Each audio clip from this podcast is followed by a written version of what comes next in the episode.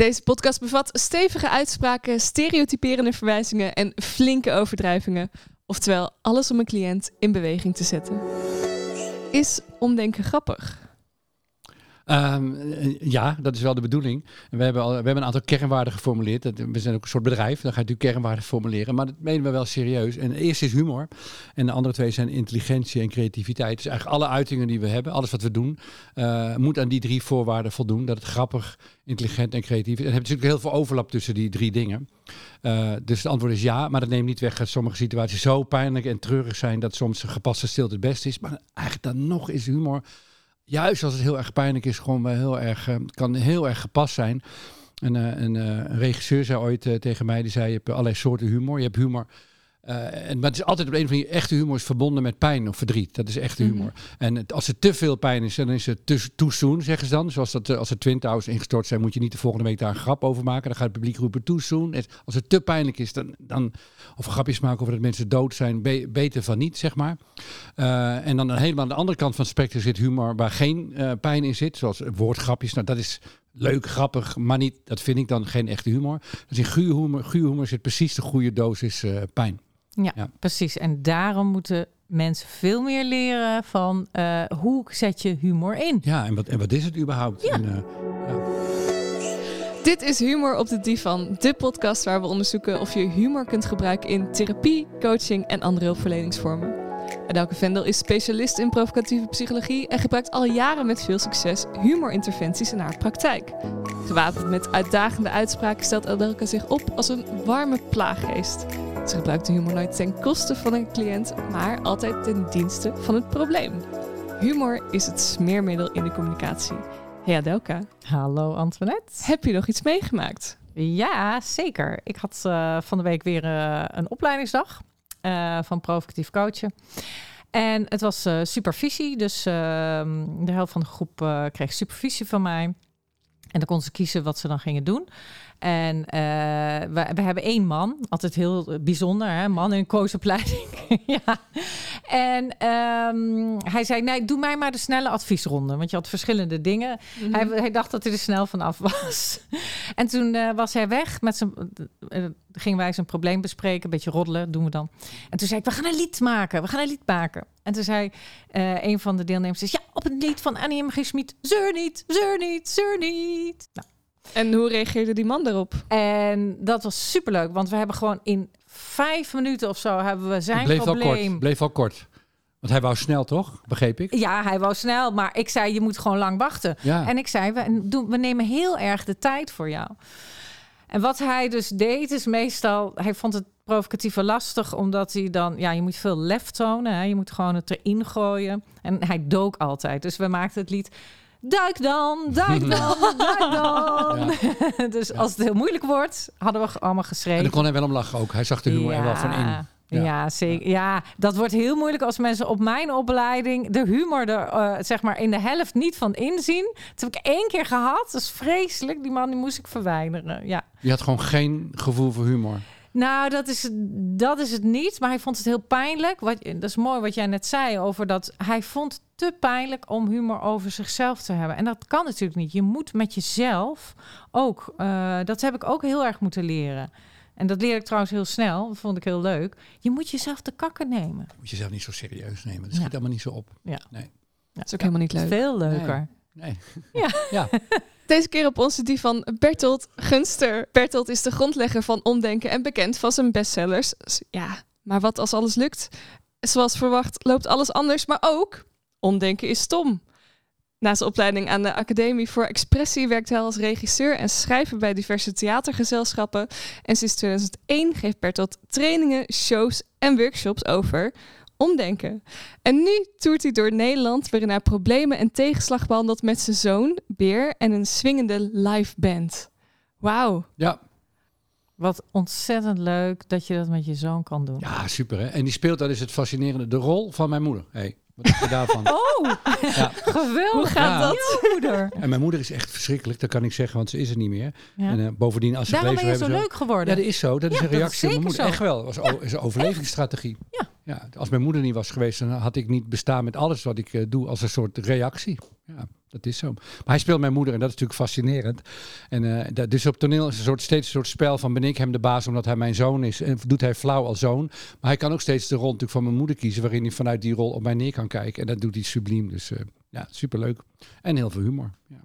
Wauw, eh, dat eh, lijkt me voor je zoon ook eh, lastig en gek om eh, je moeder en zoon te zijn. Ja, en eh, vooral omdat hij gewoon geen enkele theaterachtergrond heeft. Dus hij, Ja, dat- ja, hij dat kan het eigenlijk helemaal niet. Nee. Nou, dat heeft hij natuurlijk thuis gehad. Want dat is leuk. Hoe zit het met humor bij jullie dan thuis? Jij hebt ook hoeveel kinderen? Drie. Ook drie. Drie Ja. zoons. Ook Ja. drie zoons. Ik ook Ja, drie zoons. Nou, Ja, bij mij zijn ze in de 30 allemaal. De oudste is, de jongste is 29. Dus eh, bij jou zijn ze iets jonger, begrijp ik hè? Ja. ja. Eh, nee, humor is heel belangrijk. We hebben twee jaar lang over, over humor gesproken. We hebben twee jaar lang een eh, pleegzoon in huis gehad. En ehm, dan komt jeugdzorg, die komt dan langs om te kijken of we alles wat braaf en netjes doen. En dat was echt een verschrikking. Het eerste wat ze vroeg is, eh, dan heeft zo'n zo'n vrouw van de jaren, dit gaat over humor in het gezin hè. Ja. Zo'n vrouw van een jaar of 24 heeft dan een... eh, die zelf dan binnenkort kinderen gaat krijgen, dat je denkt, word jij nou geen moeder? Want je kan het gewoon niet. Maar die komt ons dan controleren. Maar goed, dat moet, dat is de bedoeling. Dus ze heeft zo'n lijstje met check-check vragen. En dan het eerste wat ze vroeg is, eh, heb je, heeft Jelle een vaste plek aan tafel? En dan weet je, je moet natuurlijk ja zeggen, want dat betekent dat je structuur biedt als Ja. ouders. Dan word je op afgerekend. Maar dat is gewoon niet zo. Dus ik wil gewoon eerlijk zijn. Want ik heb toch een soort integriteit. Ja, wij doen de stoelendans. En als Jelle Ja. er dan uitvalt, nou ja, dan moet hij op de grond zitten. Precies, maar het wordt nog veel erger. dit, dit, dit- ik, ik, ga- ik zei dus eh, in een andere plek. En de volgende vraag was, eh, kan hij een beetje meekomen op school? En toen zei ik, nou nee, dat is echt best lastig. Hij- Jelle is namelijk heel dom. Hij snapt het Oh. allemaal niet. En Jelle schoot enorm in de lach, want die begreep, als je een grap over dingen maakt, dan betekent dat het geen probleem is.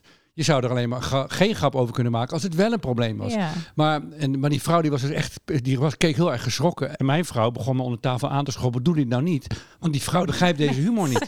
Ze begrijpt het, ze begreep het echt niet. Terwijl Jelle, die was dus op dat moment acht. Ja. Die begreep dat dus wel. Oh, die Ja. kinderen die begrijpen dat zo slim. zo goed. Dat is zo ontzettend leuk. Ik weet dat ik een keer heb ik met mijn zoon. Hij was de jongste altijd aan het plagen. Hè? En, en, en, en nou ja, ik was De, natuurlijk de, ook over wie het moeder. hebt, is de oudste of de middelste dan? De oudste was de jongste Ja, aan het precies. plagen. Ja. Dat was ook vrij agressief. En op een gegeven moment zei ik, gaf ik een knipoog aan de jongste. En dan ging ik naast de oudste staan. En de oudste, ja, potverdomme, jij ook altijd. En ik ook, ja, jij verschrikkelijk. Maar- En die oudste, die verstarde helemaal. Maar hij liep, zij droop zo af. Het is, dat is en hij hoorde zichzelf in jou en dacht, waar ben ik Ja. in hemel zijn mee bezig? Ja. ja, dat is heel erg leuk. ja. Bertolt, je Ja. hebt een, een theatertour, je hebt boeken. Eh, zelfs als ik eh, overal naartoe rij in eh, Nederland, zie ik zelfs omdenken posters heel groot staan.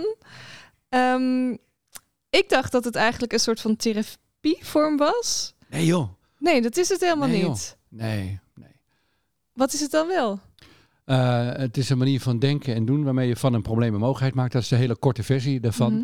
En ik ben, ehm, ik heb wel heel veel coaching gedaan in het begin van mijn carrière, maar ik vond het echt saai. Dan heb je een heel super gesprek met iemand en die gaat die weg en die dan wat in de war.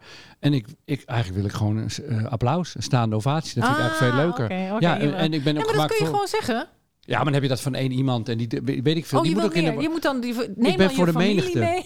Ja, maar ik ben echt voor de menigte gemaakt. Dus toen ik in het begin van mijn carrière stond ik op een kruispunt ga ik nu door met die, met die coachingachtige dingen. Want Mhm. dat vond ik heel bevredigend. Want je kan echt iets, echt diepgaand iets voor iemand betekenen. Ja. Of ga ik door, want dat deed ik ook met een soort omdenkshows. Of toen heette het nog ja maar shows. Mhm. Waar je gewoon 75 minuten, een script en een verhaal. En dat vertel je met wat interactie. Maar dat is gewoon altijd hetzelfde. En dan bedoeling is dat het steeds beter wordt, net als een theatervoorstelling.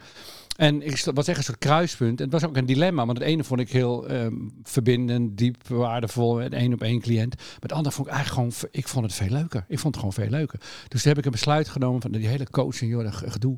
Ik vind het saai. Ik ga door met eh, de theatershow. Ik ben gemaakt voor grote groepen mensen. Nou, dat is eh, de carrièreweg die ik gekozen heb. Maar de grap is, sinds een jaar of drie ehm, maken wij zelf podcasts. En daarin ben ik gewoon een soort coach. En dan stel ik vragen aan mensen. En dat vind ik nu superleuk. Want het leuke van een podcast is dat heel veel mensen kunnen meeluisteren. dus je kunt ook veel meer mensen bedienen. Iets voor veel meer mensen betekenen dan die ene cliënt. Maar je ziet ze niet. Dus hoe is dat dan hetzelfde?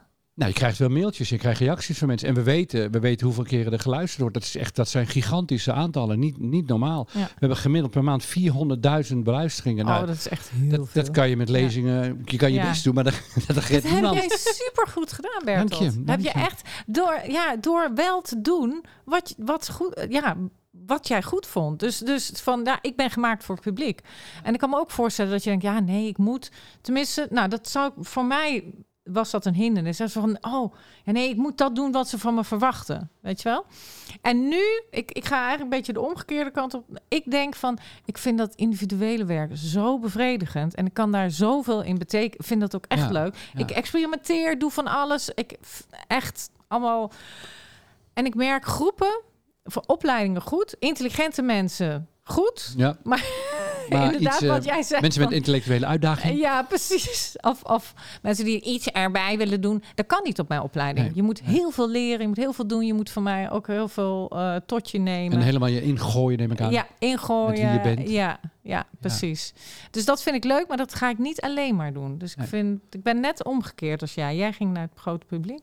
Maar ik heb nooit dingen alleen gedaan. Hè. Ik heb dus ook ben geschre- ik heb geschreven. Ik heb van eh, ik vind juist de combinatie van allemaal verschillende dingen doen vind ik leuk. Ik moet er niet, niet aan denken dat ik alleen maar lezingen zou geven. Nee. Dat is ook saai. Dus Nee, ik ook niet. Ik doe ook drie dingen. De onderzoek. eh, ik heb net mijn manuscript af.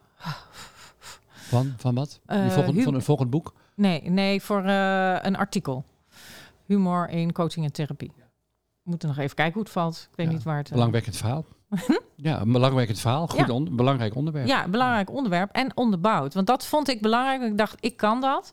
Ik vind dat leuk. Ik ga in mijn kamertje. Ik zit daar. Ik vind dat wel leuk in mijn eentje. Zo lalalala, alles uitzoeken. Toen dacht ik, nou, dat draag ik bij. Ja, Spannend. humor. Ja, Ja. want hoe is humor... Waarom is dat zo belangrijk voor jou? Nou, omdat ehm, humor, de goede humor, humor die, die vooral eh, zelfreflectief is, die vooral over jezelf gaat. Dus humor, niet humor waarmee je anderen naar beneden duwt. Ja, Eh, de humor die vooral betrekking heeft op jezelf. Ehm, als je echt om iets kunt lachen, dan gebeuren er twee dingen. En, en je zit er helemaal in, je beleeft het helemaal. De pijn, het verdriet, de rouw, whatever. eh, Het probleem, de emoties ervan. En tegelijkertijd kun je, als je erom kunt lachen, ook met verstand naar kijken van bovenaf. En omdat je met een dubbel perspectief kunt kijken, eh, begrijp je veel beter hoe het probleem in elkaar zit. En wanneer je of helemaal erin verdwijnt, uh, uh, of alleen maar lacht, zonder die verbinding te maken met de pijn die er ook eh, in zit. En dan, en dan kan humor eh, transformerend werken. We worden geboren, we gaan dood en tussendoor doen we wat dingen. En je kan het leven als een tragedie benaderen, maar je kan het ook als een komedie benaderen. En wat ik mooi vind is, naar mijn overtuiging, een, een komedie die zit, wat ik eerder ook zei, zit altijd tragiek in. Mhm. Maar in tragiek zit geen humor. Tragiek is gewoon tragiek, daar verdrink je in. En daar heb ik niks mee. We gaan toch dood. Dus veel erger dan dood kan het niet worden, toch? Maar wat vind je van de... Ik moet gelijk denken aan onze samenleving. Ik denk dat er gewoon minder humor is. Ja, mensen alle- zijn humorloos en eh, bangig. En wat ik de laatste Bang, tijd, ja. bangig. En wat ik de laatste tijd merk is, eh, eh, sinds corona dacht ik, ik denk, ik vind mijn lezingen niet zo leuk meer. En in workshops die ik geef vind ik niet zo leuk meer. Ben ik een beetje op uitgekeken. Maar opeens gisteren, vorige week had ik een eh, lezing voor ambulancepersoneel. Eh, leuke mensen hadden er zin in. eh, ze hadden een leuke club, fijne cultuur. En het was superleuk. En opeens realiseerde ik me, volgens mij wat er aan de hand is, is dat na corona heel veel mensen zijn gaan verzuren, bang Mm. zijn angstvallig zijn. En die lichtheid die, die vijf of tien jaar geleden er in een zaal mensen was, is er niet meer altijd. Dat is best wel, vind ik ook mooi... best wel verontrustend eigenlijk.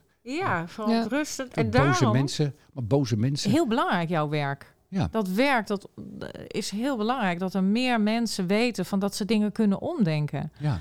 Hè, dus- moet je nu harder trekken dan aan mensen? Het duurt wat langer voor je eh, verbinding met een zaal hebt, voor, voor het lichter wordt. Vroeger had je van die zalen van de SNS-bank, zo'n managementteam. Dan denk ik, nou, van die mannen, wel- ja, ik ben benieuwd hoe het gaat. Die hadden er zin in en ze gaan ervoor. En vanaf het begin, oh, oh. En dat, heel veel scholen, eh, mensen. En eh, vaak, va- vaak als er veel vrouwen in de zaal zitten, is sowieso leuk en licht en makkelijk. En ehm, dat is echt wel veranderd. Dus je hebt gewoon meer tijd nodig om connectie te maken. En ja, god, ik, ik heb maar een paar ervaringen hoor. Dus ik ben ook voorzichtig in daar te algemene conclusies over trekken. Ehm, ja, geduld hebben en eraan trekken. Maar misschien eh, kan best zijn dat ik het dus ook niet meer leuk vind op een gegeven moment. Dat kan ook, dan, dan is dat het geval. Maar dat is niet zo voorlopig. Ja. Dus eh, voorlopig Nee. vind ik het nog leuk. Voorlopig vinden we. Van- En, en anders stop je ermee. Anders en ga je ik wat anders Ja. doen. Dat Ja, zei- precies. Ja.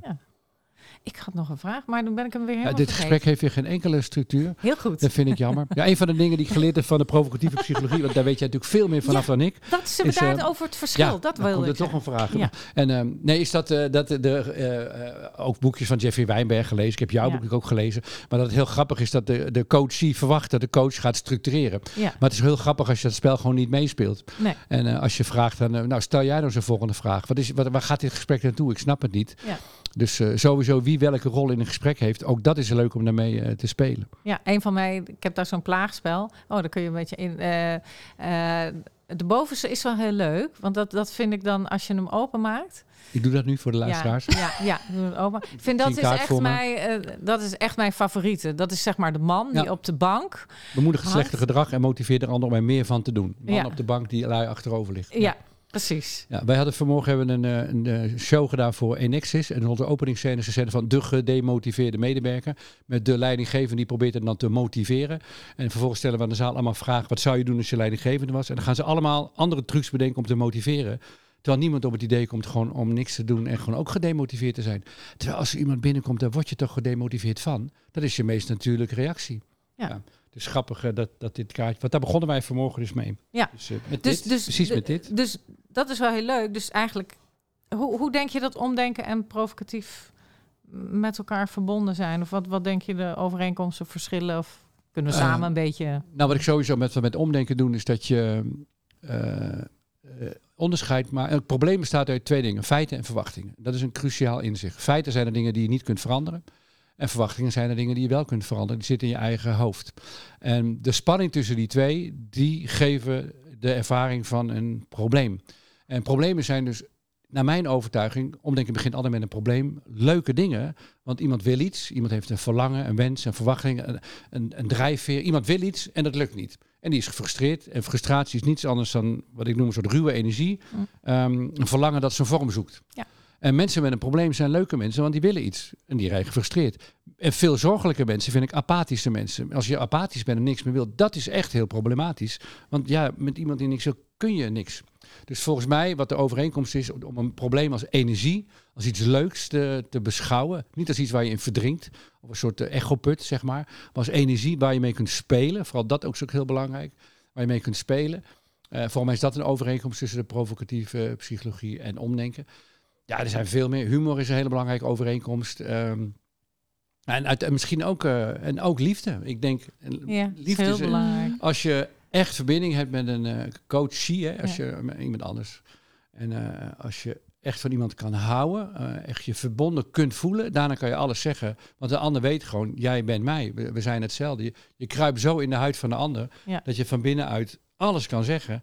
En eh, ja, daar zit dan heel vaak humor bij. Overdrijving is natuurlijk één. Als iemand eh, negatief over zelf denkt, om dan er zo woorden aan te geven en het erger te maken, dat de ander denkt, ja, dit is wat ik eigenlijk denk, maar misschien nog wel een stapje erger nog dan ik zelf denk. Ja. En, ehm, maar ik denk, misschien is liefde wel eh, het belangrijkste. Want als je geen verbinding kunt voelen, dan wordt humor flauw, leeg, eh, beledigend. Nee, en dan, werkt wordt het niet. nee, dan wordt Dat het een trucje. Ja, dat is absoluut. Wat ik heel mooi vind is over die feiten en die verlangen.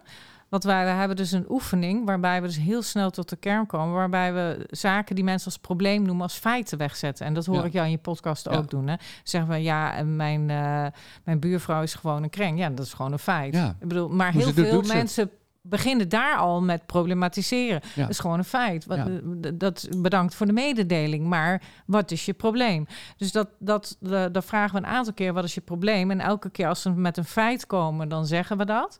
En pas als het iets is wat ze zelf kunnen beïnvloeden, hè, wat jij dus ook zegt. Ja. En dan denken we, ja, now we're talking. Ja, Hier hebben we aangrijpingspunten. ja, hier kunnen we doen. hier kun- en daar kun je provoceren. Van ja, ik, ik, ik voel me altijd gewoon ehm, eh, de mindere als ik, als ik mijn buurvrouw tegenkom. Ik, ik, heb altijd het gevoel dat ik het niet goed genoeg doe. Nou, dat is een mooie overtuiging, want daar kun je ja tegen zeggen. Ja. En dan komt de ja, hè, ja en, dat Ja. is de houding. Ja. Maar dat is leuk om te horen, want ik dacht, kijk, provocatief heeft natuurlijk heel veel elementen, heel veel eh, interventies. En de houding is eigenlijk omdenken, zeg ik altijd. Je grondhouding, moet zijn omdenken. Ja. Maar ik hoor ook nu van jou, je doet ook een aantal technieken, zoals dat overdrijven en het helemaal in eh, het hoofd kruipen. Ik zeg altijd, word verliefd op het wereldbeeld ja. van de ander. Nou, als, als, als, aan het einde van de sessie, als ik de, de aandrang voel om de ander aan te raken of te knuffelen, dan weet ik, los van Mhm. of, ik de, los van of je dat doet, Mhm. moet ik voorzichtig mee zijn. En eh, zeker als ma- een cisman eh, van Nou, maar dat man. vind ik nou zo jammer. Dat, hebben, dat wilde ik me voor. Ja, dat zijn van die dingen. Je mag consent vragen, maar dat vind ik echt jammer. Maar wacht even, want als je consent Oeh, vraagt als psycholoog, ja, Ja. Oh, nu gaan we er ook meteen diep in. interventie, bam. Ja. Ehm, eh, dan is het wel al meteen een machtsverhouding. Dus als iemand die boven mij staat, mag ik jou een knuffel geven? moet ik daar alsnog tactisch over nadenken. Ja, dat klopt. Alleen ik stond dus vanmorgen onder de douche. Want het, het, eh, we hebben ook met. eh, ik zat over een ander gesprek na te denken. En die man die zei: Ik doe dat dus niet. Net als jij. Van ik raak mijn cliënten niet Ja, ik, doe aan. het, ik doe het wel. Ik doe het wel. ja, Maar ik ben alleen voorzichtig. ja. Nou, Dat is dat is, dat, dat Wel, is oké. Maar ik raak heel veel aan. Ja, En, eh, nou. Ik raak ook hakken handen aan op tafel. En, Oké. laatst had ik een man tegenover me. En toen, ik heb op een gegeven moment wel vijf minuten. En die man was in de vijftig. Ik ben in Ja. de zestig voor de luisteraars. Ja. En, en als je me gezien dan denk ik, nou dat Ja, klopt nee, niet. Nee, klopt niet. Er zit hier zo een jong. man 30. blakend Oh. van gezondheid. Oh. Het is gewoon... Meer, het- meer, hij, meer. hij popt gewoon Ja. uit zijn Hij eh, knalt het blouse. gebouw uit. En eh, ik dacht, dat is de nieuwe jonge medewerker van mijn man. Maar Ja. het is gewoon Bertolt Gunst. Ja, het is onvoorstelbaar. Maar hij was in de 50 en ik ben in de 60. En eh, het was een heel teder moment. En ik dacht, ik, ik hou gewoon zijn hand vast. Het is nu gepast. Maar eh, hij, hij greep mijn hand, hij liet niet meer los. En zo hebben we tien minuten gezeten. Ik dacht, dit heeft hij als jongetje van drie heeft hij, eh, nodig gehad. Nu nog. Ja. En nou, fijn, dan geef ik hem dat. Maar eh, ja, ik raak heel makkelijk aan. Maar Nee, maar dat, dat, maar dat ik zeg- bedoel ik. wat ik zeggen wilde als... eh, wat, je, wat jij zegt herken ik heel sterk. Dat als je bijna verliefd wordt op de ander... of de ander heel leuk vindt... dat je, ah, wat fijn dat de wereld deze persoon gemaakt heeft. Eh, als je dat gevoel kunt hebben... Ja, dan ervaar je een hele diepe connectie met de ander. En dan, eh, het kan niet anders. Als jij het voelt, dan voelt de ander dat bijna ook wel. En dan kun je alles maken. En dat is altijd wat ik mijn deelnemers heel goed leer. Er was een, volgens mij een, een Belgische arts die dat zei van als je als iemand humor gebruikt en je ruikt iets van de bovenstaan of eh, ik ben beter dan jij Oh, of jij kan er niks van of eh, ik doe dit om jou eens even te laten zien, dan direct Ja. ben je weg en dan kun je grappen maken wat je wil, maar de ander die is eh, En, de- en die grens is Ja. heel dun. Je moet er Ja. heel voorzichtig mee zijn. moet je echt trainen. Maar Ja. het is te trainen. Ja. Het, het goede nieuws is, het is gewoon een spier. Maar je moet het willen. Vind je dat ook? Ja, en je moet een beetje kunnen, je moet er gevoel voor hebben. Je moet het, leven. het helpt wel als je het leven zelf een beetje leuk vindt. Dat je alles kunt relativeren. Dat helpt wel. Dat je het als grondhouding sowieso eh, hebt. Eh, het is absoluut. En je moet ook, moet ook durven. Ehm, Ja, lef moet je Ehm, hebben. Ja. ja, en gewoon proberen. En je hebt natuurlijk de, de ander tegenover. Je ziet meteen. Dus je moet eh, helemaal aanstaan. Je ziet meteen hoe de ander reageert. Als de ander oh doet. En, eh, Ja. Oh, foute grap had ik verkeerd Ja. niet mogen zeggen. Dan, je, je kan daar meteen op reageren. Dus dus en ik maak liever heel veel fouten en ik domme dingen zeg. En dan de ander stuurt mij wel bij. Dat zijn volwassen mensen die tegenover me zitten. Dus Ja. Ja, maar dat is dus wat ik merk in de huidige samenleving. Dan heb je een fout gemaakt. En dat wordt heel groot uitgemeten in de media. Ja. Terwijl het gaat niet om die ene fout. Het gaat om het hele gesprek. En dat je dat bijsturen. En dat, eh, oh, wat fout van mij. En, en dat draagt dan ook weer bij tot een goed gesprek. ja. En dat zie je bij grensoverschrijdend gedrag ook heel erg fout gaan. Of mensen zeggen, ja, tegenwoordig ook niks meer zeggen. Wat helemaal niet waar is. Dat is Nee. ook gelul. Nee. Of de mensen zeggen, oh, ik voel me onveilig. En eigenlijk beide op het uiteinde van het spectrum gijzelen de discussie. Ja. Want er kan er Ja. niets meer gezegd worden. Mhm. Terwijl het, het, het goede gebied zit in het midden, waar we allemaal een beetje fouten maken. En dat zeg je dan. En dan, en dan zegt de ander, joh, en dan zeg je sorry. En Maar je heb- moet niet fouten nou, voorkomen. Dat, ik denk wel doordat er nu eh, twee grotere uitersten zijn, dat er meer ruimte in het midden is om te praten met elkaar. En eerst was die ruimte er bijna niet. En ik vind, Ja. ik vind, eh, dat is helemaal waar. En ik vind dat we in een geweldige tijd leven. Eh, Kijk, het aantal, eh, mm, het aantal keren dat grensoverschrijdend gedrag voorkomt, neemt af. We denken dat het toeneemt, maar in- uit breed onderzoek in Europa blijkt het af te nemen, al jarenlang. Alleen het aantal meldingen neemt toe. En heel veel, ja, we zijn er met z'n allen gewoon, hebben het ermee gehad dat mensen boeien, dat mensen meer. tyranniseren. En dat trekken we gewoon niet meer. En dat is een supergoeie zaak. Ja. En alleen het gesprek erover, dus op een, eh, op een verstandige manier leren voeren, nou, daar zijn we wat handelingsverlegen in, zou je kunnen zeggen. Precies, het gaat meer over straffen. En terwijl, eh, ja, dat is net als tussen man en vrouw. Het is geen onwil van de, van de man vaak dat hij niet luistert. Maar hij Nou. zit in zijn nothing box of eh, weet ik Ja. veel. En, en als, je- als, als je daar, hè, dus het gesprek daarover aangaan, dan snapt de ander, oh oké, nou een beetje peper in de reet bij de mannen dan. hè. Ja. En dan Precies. gaat het ook Bij goed. sommigen, anderen rustig aan. Andere ja. ja. wel, welke ben jij rustig aan of peper in de reet? Ja, ik ik, ik eh, hoop te kunnen variëren. Ah, ja, is zo, is zo. Ja, lach oh, maar. variatie. Ja, lach maar. Je lach hem uit. Dit is nou uitlachen. Dit is nou niet leuke humor. Nee, ik, ik, eh, ik, ik, als je, als ik, eh, als, als je eh, niet gehecht bent aan hoe je overkomt. En ik hoop dat ik dat vaak niet ben. Dat lukt ook niet altijd. Maar dan ga je soms heel snel, soms heel langzaam. Ook in de gesprekken die ik voer. Het is meestal heel snel. En dat, dat is wel mijn, mijn Ja, dat, toon, zeg maar. ja. Het tempo. Ik denk dat de reden vooral is dat we lachten omdat wij daardoor niet meer weten hoe we wel met je om moeten gaan. Mm. Oh, Goed dat is hè? lief. Oh, Ja, een goede ik comeback. van. Geloof Ja. het niet, maar het klinkt goed.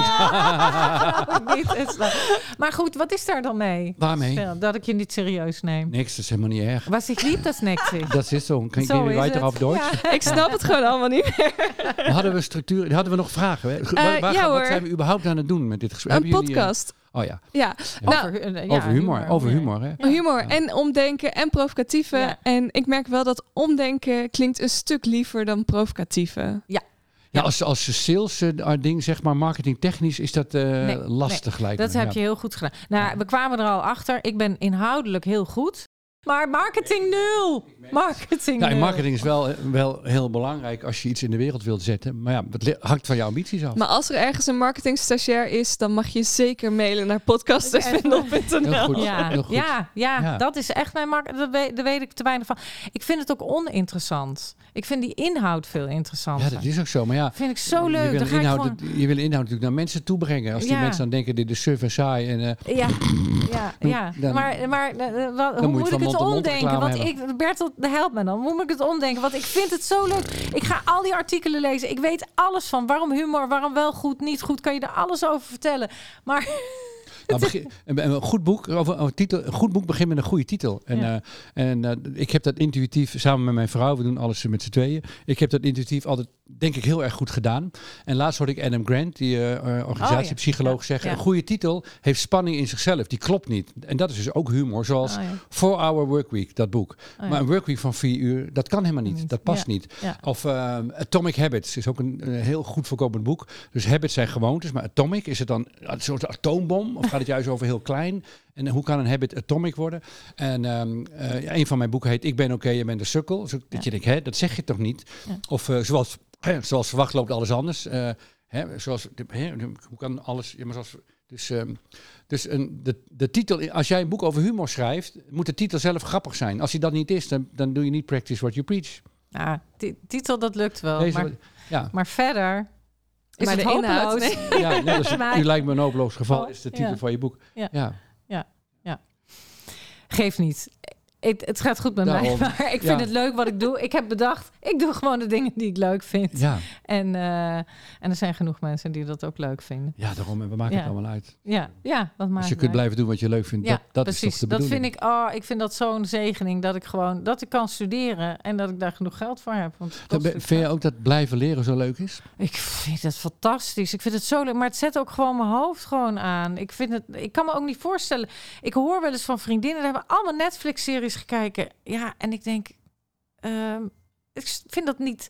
Ik vind het saai. Ja, Ik wil leren. Ja. Ik wil moeilijke dingen bestuderen. ja dingen die dingen leuk. proberen te begrijpen, Ja, die je niet begreep. Ja, En wat ik een geweldig idee vind, is dat eh, eh, als je een boek in handen hebt om de, de diepgaand erbij stil te staan, dat iemand daar dus heel veel werk in gestoken heeft, Mm. om in zo kort mogelijk eh, tijd met letters en woorden en verhaaltjes heel veel kennis over te dragen. Mm. Dus er zit heel veel, er zit heel veel arbeid in. En eh, ik vind dat je elk boek met, die, eh, met dat respect moet benaderen. En heel veel boeken zijn natuurlijk toch wel eigenlijk heel slecht geschreven of matig. Maar goed, en hoe meer je leest, hoe, hoe, hoe lastig het wordt om een boek te vinden wat echt heel erg verrast. Eh, maar met die instelling moet je wel een boek eh, benaderen. Ik vind vaak met boeken dat dan het eerste hoofdstuk echt super interessant is. Is en daarna, ja, Ja, denk ik dat je ook in een podcast kunnen doen. Precies, en non-fictie schrijven is echt moeilijk. Want eh, kijk, met een verhaal, bla bla bla bla bla. En toen, en wie is de moordenaar? Je weet het als voor niet. En, eh, en het einde, de laatste pagina's worden dan onthuld. Of wat is er vroeger gebeurd? Non-fictie is veel makkelijker om spannend te maken dan non-fictie. Want je legt een theorie uit. En op een gegeven moment heb je de theorie. Mhm. en dan, dus hoe hou je een non-fictieboek spannend? Dat is, heel, dat is moeilijk. ja Dus je je moet- spannend of, of grappig. Ja. dat moet, moet ook Ja, wel grappig precies. zijn. Nee, en dat ook, want humor en onderzoek is vaak echt heel droog. Ja, dat zei Echt jij. niet grappig. Ja, Ja, klopt. Ja, ja, ja, Ja. ja. Ja, Ja, Ja, is, is Ja. ja. ja, dat, ik de merk het hier. Ik merk, Ja. ja. Ja. dat is vreselijk. Wat doet humor voor de mensen waar jij de podcast mee maakt? Wat zie je dan? Wat zie je aan die mensen? Nou, je ziet ze, je ziet ze. eh, eh, kijk, eh, ik, ik kan soms hele harde eh, dingen zeggen.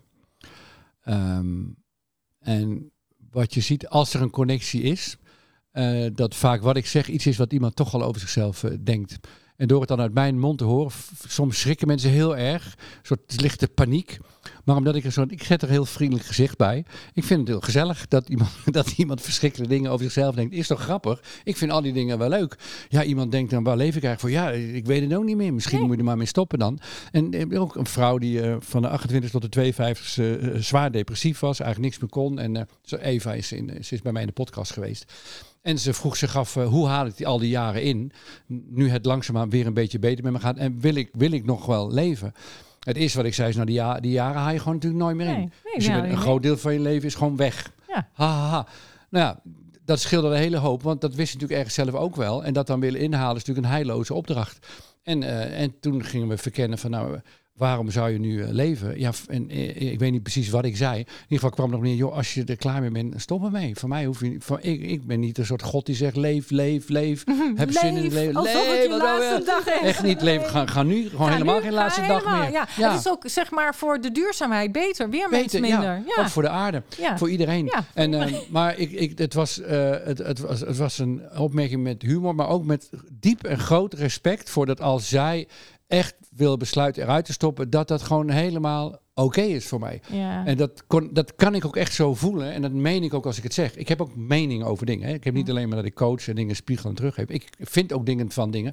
Eh, eh, het leven is prachtig. Maar als je niet meer zit zitten en er klaar mee bent, dan is dat zo. Dan is dat een feit, als je het Ja, over feiten ja. hebt. En al die jaren, want ze had psychiaters en behandelingen en GGZ. In al die jaren was er dus voor het eerst dat iemand tegenover haar. Die zei, joh, als je het zat bent, wat houd je tegen om gewoon Ja, maar te dus die angst, dus die angst, Bertolt. Ik zie dat, ik zit in die hele GGZ. Die angst, die houdt ons in dat we niet kunnen behandelen. Want jij zegt, ik ben hard. Maar ik vind jou helemaal niet hard. Ik heb je podcast gehoord. Ik zou... en ik denk, ja, ja, ja. En, en, en nog... En ik, ik vind nog dat je... Hè, dat, dat doe je heel goed. Want je legt heel goed uit. Ze van, ja, dat meen ik natuurlijk niet. Maar ik denk... Zegt ze van, ja, ik denk... Waarom ga je gewoon niet onder de grond liggen? Ja. Dus, eh, hè, en de provocatieve psycholoog, die zegt dan gelijk van... Nou, kijk, hier kunnen we het graf maken. Ga er maar in. En dus die, die is nog meer daarin me- mee bezig. Ja, en, die, en die stijl, eh, die eh, hanteer ik ook. Alleen eh, steeds gedoseerd. Want Ja. helemaal het overdrijven. Soms is dat ongepast. En soms is het juist heel erg gepast. En Ja. nou ja, dat zal je ook weten. Wanneer je wat doseert, daar moet je heel fijngevoelig, tactvol en liefdevol mee omgaan. Ehm, Ja, totaal ehm, mee eens. Want ik, ik, heb, ik ben van... eh, ik heb natuurlijk geleerd van eh, Jaap en Jeffrey. Maar van Noni eigenlijk nog het meer. Zij zit in Duitsland. wie- Noni Hufnar. Zij is een. Duitse God, provocatieve Zij is goed, neem ik aan. Ja, heel goed. Ja. En vooral heb ik bij haar geleerd van hoe je dat liefdevol kunt brengen. En dat je het ook niet altijd provocatief hoeft te doen. En dat is een beetje, vind ik, misgegaan in die provocatieve stroming hier in Nederland. Dat heel veel mensen het hebben ervaren als gewoon heel hard en veel eh alsmaar doorgaan. Want ik merk in mijn praktijk, nu ik goed ben in mijn praktijk. Dat ik dat wat jij zegt ook heb. Dat ik soms denk, hé, hey, ik ben helemaal niet zo provocatief geweest. Mensen, vinden het, ik kan het niet eens meer niet zijn. Maar het was gewoon niet gepast Ja. om dat op alles te gaan vuren. En, en dat, dat, dat is wel een ontwikkeling die ik inderdaad meemaak. En eh, daar ben ik Humor wel blij mag, hè? Humor mag. Het moet niet. Het mag. Precies. Het is een middel, maar niet Ja. het middel. Ja. En eigenlijk als je normaal leeft, dan, huil je, dan ben je verdrietig, dan komen al die emoties vanzelf voorbij. En eigenlijk moet je dat, die hele persoonlijkheid, als dat toch allemaal vanzelf voorbij komt, ook in je coaching vanzelf meenemen. Want ja, dat, anders ben je een soort half mens, Ja. als humor niet zou mogen. Ja. Dus voor mij hoort humor er als vanzelf bij. Ja, maar gedoseerd en intelligent. En, eh, ja, En ik, intelligent. en, en, en wat jij zegt, dat, eh, eh, daar moet je ontzettend goed voor oppassen. Als iemand denkt, oh, ik, als ik overdrijf is een techniek van de provocatieve psychologie, dan overdrijf ik. En dan gaat iemand vanzelf de andere kant op. Ja, dat kan, maar dan heb je je, een plank- verwachting. je dan kan precies. En dan als heb je verwachting. dan, en doe je vanuit, je dan leef je vanuit Ja. een theorie en niet vanuit een observatie van je cliënt. Ja, maar dat is heel moeilijk, want je moet heel veel vlieguren maken. Kijk, dat maakt deze opleiding ook eh, echt voor mensen die door willen zetten. Want het is niet zo dat je het niet kan, maar je komt tegen jezelf heel erg aan. Want je moet dat los kunnen laten. Je moet eh, jezelf op de hak nemen. Je moet niet alleen maar een techniekje aanleren. Terwijl als je bijvoorbeeld cognitieve gedragstherapie, ja, zet maar gewoon technieken in, protocollen in. Ja. Bij de GGZ zeggen ze ook, wij eh, creëren eenheidsworst. Maar wel hele goede eenheidsworst. Maar alleen maar Ja, eenheidsworst. maar voor wie past die eenheidsworst dan? Ja, voor Nou gemiddeld mens die ook niet altijd bestaat natuurlijk. Nee, en dat is het lastige. Want gisteren eh, en dan heb ik zoveel geleerd over trauma. En dan komt er, gisteren kwam er een man en dan denk ik, nou, dat past helemaal niet bij hem. Als ik dit ga doen, dan ga ik dat doordrukken. Maar dan moet je wel wat ervaring al voor hebben. Ja, want Bertolt, hoe heb jij dan al die er- eh, kennis bij elkaar gevonden en geleerd? Nou, heel veel lezen, heel veel lezen, heel veel lezen. Ja. Logisch nadenken, zelf een ingewikkeld leven hebben met allemaal uitdagingen Ja. en gedoe en frustratie en problemen en eh, en ervan vind het uitgaan. zo jammer dat ik je niet mag coachen. Ja, maar ja, vind je het jammer? Waar zou je me graag op willen coachen? Kom misschien nog. En eh, wie weet. Ehm, eh, en gewoon heel veel, heel veel doen. Eh, ik heb wel een soort basisopleiding ooit gedaan. dat heette structurele gespreksvoering. Dat gaf Floris Rommers. Hij is geïnspireerd door het werk van Robert Frits. Robert Frits heeft een boek geschreven, De Weg van de Minste Weerstand. The Path of Least Resistance in het Amerikaans dan Engels. Dat gaat over het creatieproces, hoe je dingen creëert, hoe je dingen maakt. Hij is componist. En daarbij is eh, het onderscheid tussen een eindresultaat creëren omdat je iets wil, of een probleem te proberen op te lossen omdat je iets niet wil. Dat onderscheid tussen die twee dingen is eigenlijk het fundament van zijn filosofie. Nou, dat boek heeft mij heel erg eh, beïnvloed. Mm. Ik kwam ook precies op het goede moment in mijn leven. Ik heb het later wel eens nagelezen, een beetje een matig boek. Maar dat heb je dan. Maar op dat moment, en eh, voor mensen die het boek niet kennen, dus ik vind het een briljant boek. Eh, maar het onderscheid tussen een eindresultaat creëren omdat je iets wil of een probleem wegwerken omdat je iets niet wil, dat is de basis van zijn filosofie. En Floris Rommers heeft dat gedachtegoed vertaald naar een soort coachingsaanpak. waarbij je gewoon heel nauwkeurig naar de feiten kijken, eigenlijk de basis is. Wat zijn nou de feiten? En de Maar wanneer maken. is iets een feit? Ja, wanneer? Eh, nou, dat is, da- kijk, ik, ook daar heeft Robert Frits een leuk antwoord op. Dat vind ik, die, citeer hem nu even. Heel veel mensen zeggen, ja, wat is een feit want op filosofisch niveau? Dat soort mensen, kan die moeten dood, die mensen vind ik. Dat, Oké, dankjewel. daar, daar val jij niet onder, want jij vraagt naar nieuwsgierigheid. En, maar Robert Frits zegt erover, ja, je kan over alles discussiëren of het een feit is of niet. Maar als jij je belasting niet betaalt, na een verkeersovertreding, een boete niet betaalt, of whatever, je wordt opgepakt, komt achter de tralies te zitten. Je zit achter een traliewerk in de gevangenis. Dan kijk je naar die tralies van, ja, die tralies zijn echt niet een feit, maar je komt er echt niet uit hoor. Die zijn echt gewoon een feit. Ja. Dus op filosofisch niveau is het wat, is het wat vaag. Zo, wanneer is iets een feit of niet? Mhm. Ehm, ehm, en als iemand een emotie heeft, is die emotie dan een feit? Ja, ik denk het. Als iemand boos is, is die boos. Dat is dan een gegeven. Maar die boosheid gaat ook weer over. Die is niet eeuwig. Ehm, maar ja, ik zou zeggen, die dingen zijn feiten waarvan we intersubjectief met elkaar afspreken. Ja, dit, zijn, dit is een feit. Dit is, eh, dit is zo. Maar dat wil niet zeggen dat het altijd zo blijft. Nee, of dat maar het- dit dat komt heel vaak voor, of dit kunnen we zeggen een lange tijd en dan is het een feit. En wat jij in het begin van het gesprek ook zei, hè, over dat eh, mensen het liefst dan die vervelende buurvrouw willen veranderen. ja, Die buurvrouw is een feit. ja, En is een eh, feit. eh, John Gottman, de relatiegoeroe, eh, hij zegt dat eh 69% van de problemen die stellen hebben, gaan over het feit dat de een in de ander iets wil veranderen wat gewoon niet te veranderen is. Mm. De een is een avondmens oh, en de ander niet. De een houdt van meer opruimen en de ander niet. Ja, dan kan je, maar dat zijn dus feiten. En je daarbij neerleggen, oké, dit is nou eenmaal zo, dat geeft Mhm. natuurlijk meteen rust. Of lachen, dat Of vind ik het leukste. Ook goed. Ja. Ik merk Ja. gewoon dat er nu eh, veel onrust is in de maatschappij. En dan wordt er meteen over feiten en de overheid en dat soort termen gebruikt. Ehm, en daarin is ook te vaak de discussie: wanneer is iets nou een feit? Ja, en wat ik heel treurig vind, kijk, het beste instrument wat wij tot onze beschikking hebben om te definiëren of iets een feit is of niet, is gewoon de wetenschap. Er, er gaat niks bo- boven. Ja, maar dat moet je wel kunnen begrijpen en lezen. Ja, en dan doet het probleem zich voor dat eigenlijk hoe dommer mensen zijn, hoe slimmer ze denken dat ze zijn. Dat is, eh, dat is heel treurig. Alles gaan ze bypassen. En wat ze dus doen, dan moet ik gelijk denken aan Donald Trump. Ja. Alle, die kan het zo goed. Ja, die is weer heel slim, een redenkunstenaar. Ja. Dat kan die weer heel goed. Al Hij kan zinnen zo, hebben, hebben maar vijf, zes woorden. ja, zo weer leggen. Is dat Ja. waar? Oké. Ja, Daar ga ik kort en letten. ritmisch heel sterk. Hij is ook. ritmisch heel goed. Heel Waardoor Ja. je That denkt, is nou... not true. Ja. The science is not true. Ja. My science is true. Ja, zo, zo, Ja. zo, zo, zo. Make America great again. Ja. Ja. Ik ben slecht in imitaties, sorry. ja. Nee, maar als je, als je met elkaar geen overeenstemming kunt hebben over wat Ja. feiten zijn, dan houdt elk gesprek natuurlijk op. Ja, Da- en dan de- kan je niet meer praten met elkaar. Dat klopt. En weet je, dan kun je niet meer het debat opgaan. Want da- eh, sommige mensen die verschuilen zich natuurlijk ook. Ja, maar zo voelt het voor mij. en dat, en, gevoel, ja, nou, en dan word ik ook woest. Want dan kan ik niet meer verder debatteren. Ja. Want het gaat over van hoe gaan we er nou mee om? Ja. Want als je dan verschuil je erachter. Ja, zo voel ik het. Dus eh, ik ben een voorvechter natuurlijk van de wetenschap. En daarom ben ik natuurlijk ook bezig om dat provocatieve coachen in die wetenschap of provocatieve psychologie te doen. Omdat ik ja, het dan wil laten zien van ja, dat heeft ook echt een functie. Hè? Dat is mijn missie, missie Ja. in het universum. Van Ja. wat een leuke functie, wat is het fijn, wat is eigenlijk eh, Cindy Lauper, eh, girls just want to have fun, Ja. weet je, fun, fun, play, creative en Maar op een wetenschappelijke basis. en Ja, en dat en niet is op basis van je gevoel.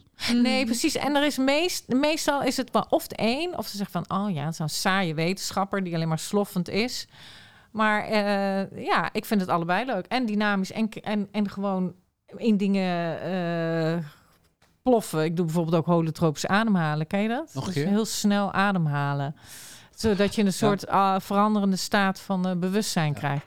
Het werkt ook als een tierenleer. LSD, dat gaat veel sneller. Maar Ja, dat gaat veel sneller. Ja, Ja. dat klopt. Ja, ja dat is ook leuk. Gedaan ook? Of Nee, LSD niet. Maar ik heb laatst doen, is het lachen. lijkt wel of deze eh, of ik heel veel drugs gebruik. Dat Ja. is helemaal niet Ja, die zo. indruk wek je wel een Ja. beetje. Ja. Voor mij ben je op dit Maar- moment ook onder invloed. La- Ik weet niet waarvan, maar... Nee, ik ben onder invloed van jou. Dus ja, dat, dat dit is het. is ja. de druk, de ja, druk die ja, iedereen ja, dus natuurlijk dat gaat heeft. helemaal. oh. Ja. Ik heb laatst heb ik ehm, dus die eh mus, eh, mus, ja, mushrooms, de magic truffels. mushrooms, truffels, ja. Wat een wat een reis! Wauw, echt Ja. zo in de Dat gewoon wel een Efteling. goed bakje in de Efteling. In de Efteling? Oh Nou nee, alsof je in de Efteling was. Oh. nee, ik dacht, dat, dat doet er niet dat ze het Moet je niet doen als je naar de Efteling gaat. Nee, Er zijn wel mensen die dat doen in de Efteling hoor. Ja, dat draai je dus door. Maar daarom zijn jongeren ook terecht zo bang voor LSD. Het is veel te heftig. Of truf- truffels ook. Dat moet je echt in een, in Nee, een, een eh, gecontroleerde rustige... Ja, precies. Nee, maar dat setting. ja. En, en ook daar. Leuk, maar dat was jouw eerste ervaring met, eh, met, eh, met dr- drugs? Ja, drugs. Ja, ja. Hoe lang geleden was dat, als ik vragen mag? Eh, nu twee maanden of zo met Ja. mijn man voordat we op vakantie Allebei, gingen. tegelijkertijd. Ja, Zonder tegelijkertijd. trip zitten. Ja, ja, we waren met, eh, de wa- we waren in zo'n groep. Je Maar er hebt was iemand daarvoor bij die... al vaker drugs gedaan, toch? Het was niet je eerste keer drugs. Ja, ja. Dat was, nee, ja, dat was de vraag, toch? Of het de eerste keer was. Eh, ja. Ja, Ja, maar dan, ja. ik ben vooral geïnteresseerd in hallucinerende drugs, natuurlijk, zoals ecstasy op MDMA. Dat is allemaal gezellig, waarom? leuk, fijn. Ja, Maar eh, de- ook leuk. Ik heb er niks op tegen, maar ik heb er niet heel veel voor.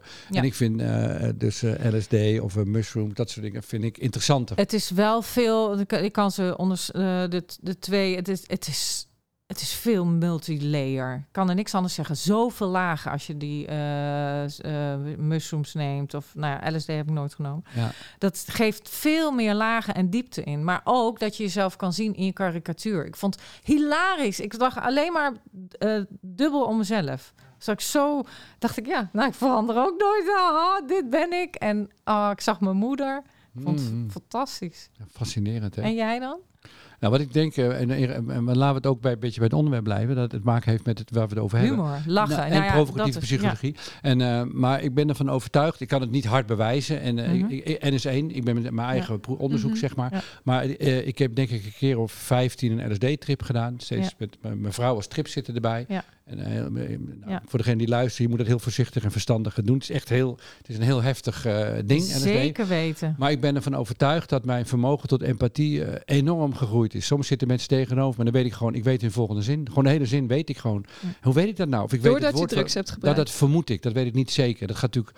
Ik heb dat gedaan in een periode, af en toe gebruik ik het nu nog, eens per half jaar of zo. Ik denk in een periode van drie, vier jaar. En dat gaat natuurlijk niet van de een op de andere dag dat dat verandert. Maar ik weet wel uit ervaring dat je vermogen tot inleving en identificatie neemt enorm toe. Want als je in een trip bent, je kijkt naar een boom, dan weet je gewoon, nou ik weet hoe het is om die boom te zijn. Die staat daar en die, die wortels in de grond, die moet allemaal water ophalen en zo helemaal naar boven, naar die bladeren. Dan denk je, jeetje, wat is die boom hard aan het werk. Dat is opeens een levend wezen. En dat is natuurlijk niet dom, want het is ook echt zo. Die boom is een levend wezen wat zijn best doet om in leven te blijven. En opeens kun je dan in zo'n moment van zo'n trip kun je helemaal bedenken ja, wat het is om die... Iets is die boom, laten we wel wezen. Toch, ik ben, ik, ik ben niet van bomen knuffelen en dat soort dingen. Maar ik ben wel van logisch nadenken en, Ja. en van mijn eigen ervaring als toetssteen gebruiken.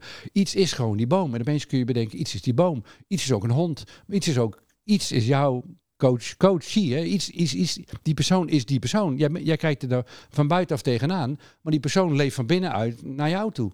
En ja, wat ik, ik denk wel dat ik het vermogen heb eh, gekregen door die trips, ontwikkeld heb om, om gewoon te weten wat iemand denkt, voelt, waar het gesprek naartoe gaat. Ja, Mm. dat is Nou wel heel magisch. eh.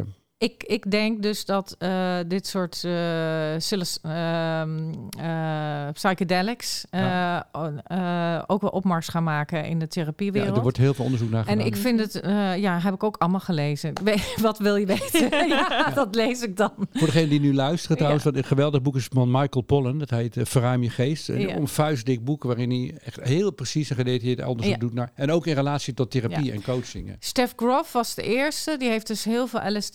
Eh, dat was een Tsjech. Die heeft heel veel LSD. ehm Welke tijd heb je dan? Weet je eh, dat? 50 jaar. 50 jaar al? Ja, ja, in de jaren 50. Ja, Ja, dus dan daar moet hij een van de eerste geweest eh, zijn. Ja, Stef Grof is een van de eerste. En die heeft ook dat ademhalen ontdekt. Omdat daarna werd de LSD verboden. En eh, de, we gaan het, het gaat een hele andere kant op deze Leuk podcast. Maar wat leuk, hè? Ja, Maar waar, wat wel leuk is, ik denk omdat ik dus provocatief werk, dat ik ook dit soort dingen dus hierin ga verdiepen. Dat, dat, dat, dat verkenningspad, omdat je vrijheid voelt, omdat je voelt van ik mag spelen.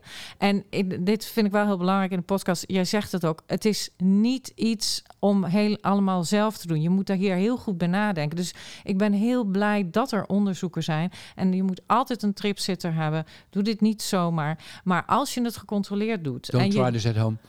Ja, of met iemand erbij Ja. die eh, lief is en die zal opletten. Altijd, dus dat is, heem, dat is helemaal prima. Ik ben ook voor zelfstandigheid. Maar het kan een, eh, een heel goed middel zijn als je daarbij ook die psychotherapie hebt. Dus dat moet allebei, want ik ben nu bezig en ik zie van ja, het is niet het middel alleen. Het is ook dat jij je ontwikkelt, dat jij leest en daardoor maak je verbindingen. Dus je gebruikt die trip voor iets. Ja. Ik heb één eh coachinggesprek gedaan met eh, dat de coach hier LSD gebruikt had. Mhm. En dat was onze eigen pleegzoon. En eh, dat was het kortste gesprek ever. Was 15 minuten, boem, tot de kern, klaar. Ja. En ehm, hij kon zich na afloop niets meer herinneren. Maar er was een opname van. En het was helemaal oké. En hij praatte zo vrij van belemmerende overtuigingen. Wat je Ja. wel of niet hoort te zeggen. Ja. En was zo open. Ik kon zo meteen naar de kern gaan. En hij staat ook op, op Spotify. Ja. Ehm, en ehm, dat is heel grappig, ja. Ja. Ja. Ja. ja, Dus het gaat eigenlijk over experimenteren, proef het leven. Dat, Ja. Daar gaat het over vandaag. In Durf vragen te stellen en ehm, wees nieuwsgierig. Ja, wees Laat je nieuwsgierig. verrassen en ga ervan uit Ja. dat je heel veel nog niet weet. Maar intelligent, want dat vind ik mooi wat je zegt, want dat, dat heb ik ook altijd. Intelligent. Zoek je bronnen, zoek waar het vandaan komt, studeer eerst Doe geen even. domme beweringen die nee, niet kunt staven. precies. Die je niet kan staan. oh, daar heb ik denk de hele coacheswereld zo'n takkenhekel aan van die mensen die uit die spirituele, eh, weet ik veel, over dat doelen stellen. Ah, Dat heb jij in je boek. Dat vond ik zo gaaf. Waarin dat, dus, dat staat een stukje van, eh, ja, alles zeg maar. Als je maar een doel stelt. Als je maar, ja, eh, een, je kunt een leuk leven hebben. Je kunt, als je maar doelen stelt. Nou, wat is dat voor onzin? Verschrikkelijk. Ja, Maar die, maar die hele Maar dat is toch manifesteren en zo? ja, die, ja, ja, manifesteren. Eh, joy op een berg, eh, je vol liefde. Hi, Ja. manifesteer, ik ben hier aan het manifesteren leven. Joy. Ja. Maar het zijn allemaal narcisten, want ze zijn alleen maar bezig met hun zelfontwikkeling, maar niks van andere mensen, het klimaat, de buurvrouw die geen geld heeft, de wasmachine die stuk is van iemand aan de andere kant van de straat. Daar gaat het allemaal niet over. Nee. Dus het is allemaal ontzettend narcistisch en allemaal onder de mom van zelfontwikkeling, spiritu- spiritualiteit. eh, Maar het is allemaal, allemaal naar binnen gericht en niet gericht op de medemens. ja, en heel serieus. Als ik voel dat weinig gelijk. humor in die weinig humor. Als Ah. je diegene dan een Dat- beetje is- doorzaagt, Ja, dat is dan, dan loop ik al weg. Want dan denk ik, nee, ik kan, het is niet spelen met jou. Ja, ze zeggen, ze trekken, wat dat zegt mijn schoonmoeder, die heeft er, of dat zegt, mijn, dat zegt mijn vrouw over haar moeder. Haar moeder kon er soms een heel serieus gezicht trekken. Dat noemen ze dan het baarmoedergezicht van haar moeder.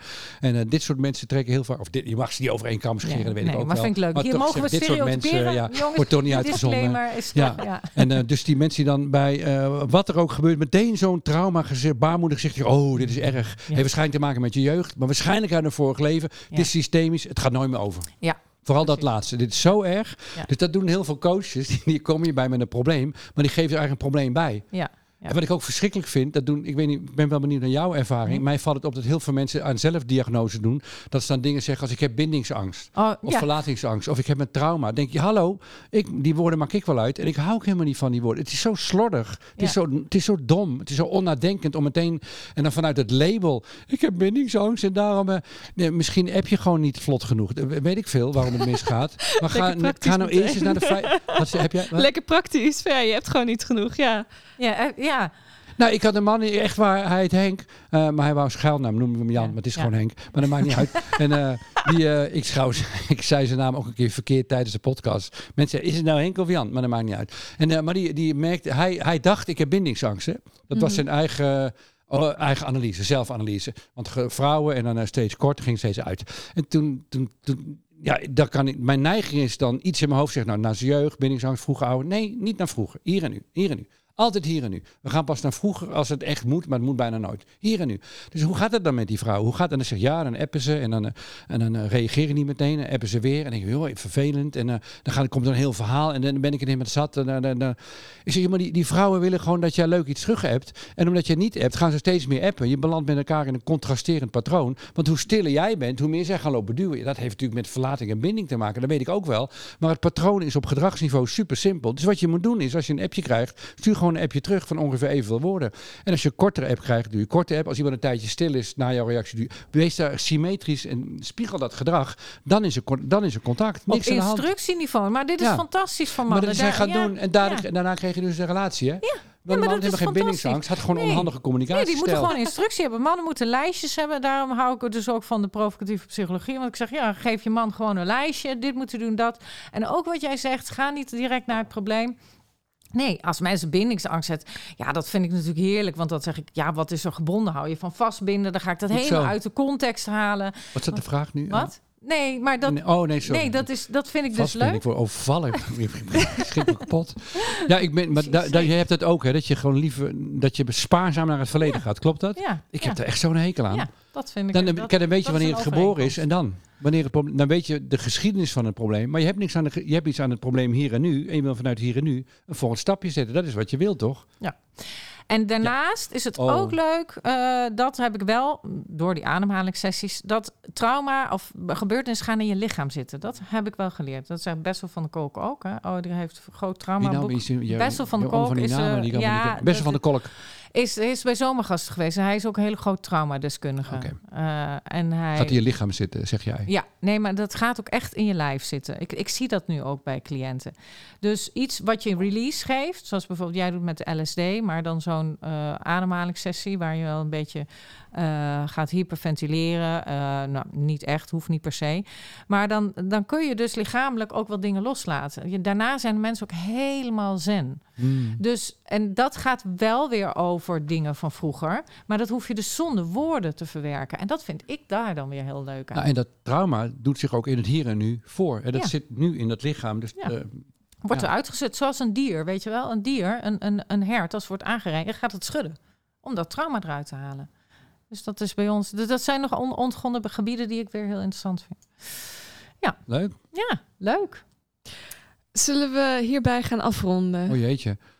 Eh, He- heb, je, heb je het gevoel dat je alles hebt kunnen te Nee. vertellen? Nee, hè? Nee. Nee, nee. We maken nog een vervolg. Ja, lijkt niet, leuk. kijken. Ik vond Ja. het gezellig. Ja. Ja, hebben jullie nog eh, observaties, gedachten, vragen? Nou ja, we vragen altijd als laatste zijn er nog dingen die je mee wil geven. Dus ik dacht vooral nu, omdat jullie zeggen van we moeten meer eh, naar elkaar omkijken. Op welke manier kunnen we eh, omdenkend naar elkaar omkijken? Ja, ik wil, ik wil een disclaimer zeggen. Sommige, eh, eh, sommige mensen denken dat wij zeggen dat je alles zou moeten omdenken. Dat als je maar één been hebt, dat je dan leuk kan hinkelen. Eh, dat is niet wat wij beweren. En eh, eigenlijk de, de grondgedachte van omdenken is dat je accepteert dat je sommige dingen in het leven niet kunt veranderen. Daar begint het mee. Sommige dingen zijn feiten waar je niks mee, kon, mee kunt. En dit zou je ook als de zen-boeddhistische of religieuze of stoïcijnse grondhouding van het omdenken kunnen definiëren. Accepteer dat het leven niet maakbaar is. Pijn, verdriet, rouw, het hoort er gewoon allemaal bij. Dus omdenken is niet positiviteit of optimisme. Integendeel, omdenken begint ermee dat je accepteert dat je sommige dingen niet kunt veranderen. Nou, op het moment dat je daar ja tegen zegt, dat je daarbij neer kunt leggen, ben je meteen in harmonie met je omgeving, met de buurvrouw die vervelend is. Dat is fijn en dat is al mooi. En soms is die ene stap genoeg, kan er ook niet meer dan dat. Maar in sommige gevallen kun je van iets wat je eerst last van had, kan je juist iets maken. Als je een hele eigenwijze buurvrouw hebt, laat haar je eigen trouwerij regelen, bij wijze van spreken. Dus soms kun je van iets, door er een feit van te maken en erin mee te bewegen, een nieuwe mogelijkheid maken.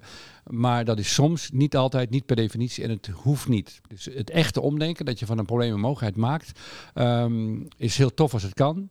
Maar vaak kan het gewoon niet, omdat soms er problemen zijn waar je gewoon ja tegen moet zeggen. En dan is humor vaak ook de meest verzachtende manier om je ermee te verzoenen. Ik heb hier niks aan toe te voegen. Voor mij was het een heel welbespraakt Ja, stukje. het was heel mooi, Van mijn eh, kant. Wel Ik bespraakt. ging aan mijn eigen lippen. Intelligent, humoristisch. Humor en creatief. en heel creatief. Dankjewel, Bertolt. Ja, jullie bedankt. En, eh, die- eh, oh, sorry. Ja, nee, maar ja, wat jij zegt over trauma's, er roepen natuurlijk ook heel veel vragen op. Van hoe doe je dat dan en zo. Ja, Ja, daar kunnen we volgende allemaal, podcast. allemaal ja, cliffhangers voor de Ja, luisteraars ja, ook. eh, gaan want we daar gaat Adelka gaat er Ja. hele slimme dingen in volgende uitzendingen over zeggen. Dankjewel Bertolt Gunster voor het omdenken en voor je kennis. Dankjewel Adelka voor het plagen. En ik was Antoinette, je podcast host. Vond je het nou leuk? Geef dan 5 sterren in je favoriete podcast app. En wil je nou een 7 minuten sessie in de podcast? Dat kan. Stuur dan een mailtje met je probleem naar podcast.vendel.nl. Dat is V-E-N-D-L dus met één E. En wil je meer weten over provocatieve therapie? Check dan even de website van Vendel of volg ons op Instagram op @provocatiefpsycholoog. En volg Bertolt uh, van Omdenken op Omdenken Nederland. En Spotify staan we ook met de Omdenken En podcast. Precies. Ja. En de website omdenken.nl. Check hem in de theaters. Er zijn zoveel mogelijkheden om hem ook te ontmoeten. Eh, en als je ons wil steunen, wordt voorzichtig dan zijn met aanraken. Dat wel. Dat, eh, in de lijn, dat is een beetje in lijn van dit gesprek. Hè? Ja, het ligt Ja. aan de leeftijd, toch? Dat was de conclusie. Nee, hoor, ik vind alles goed, joh. Ik vind alles precies. Ik vind- Ik Intentie. vind alles, ik maak een grap. Vanuit liefde mag je Dat is alles goed. Ja. Eh, en als je ons wil steunen, word dan vriend van de show. Adelka, wil jij nog iets kwijt? Wees lief en provocatief. Bam. Bedankt dat ik hier mocht zijn. Ik vond het gezellig. Ja, Ik leuk. wel. Dankjewel, Bertolt. graag gedaan. Echt super fijn. Ik ben Ja. echt diep gegaan hoor. Doe ik normaal niet.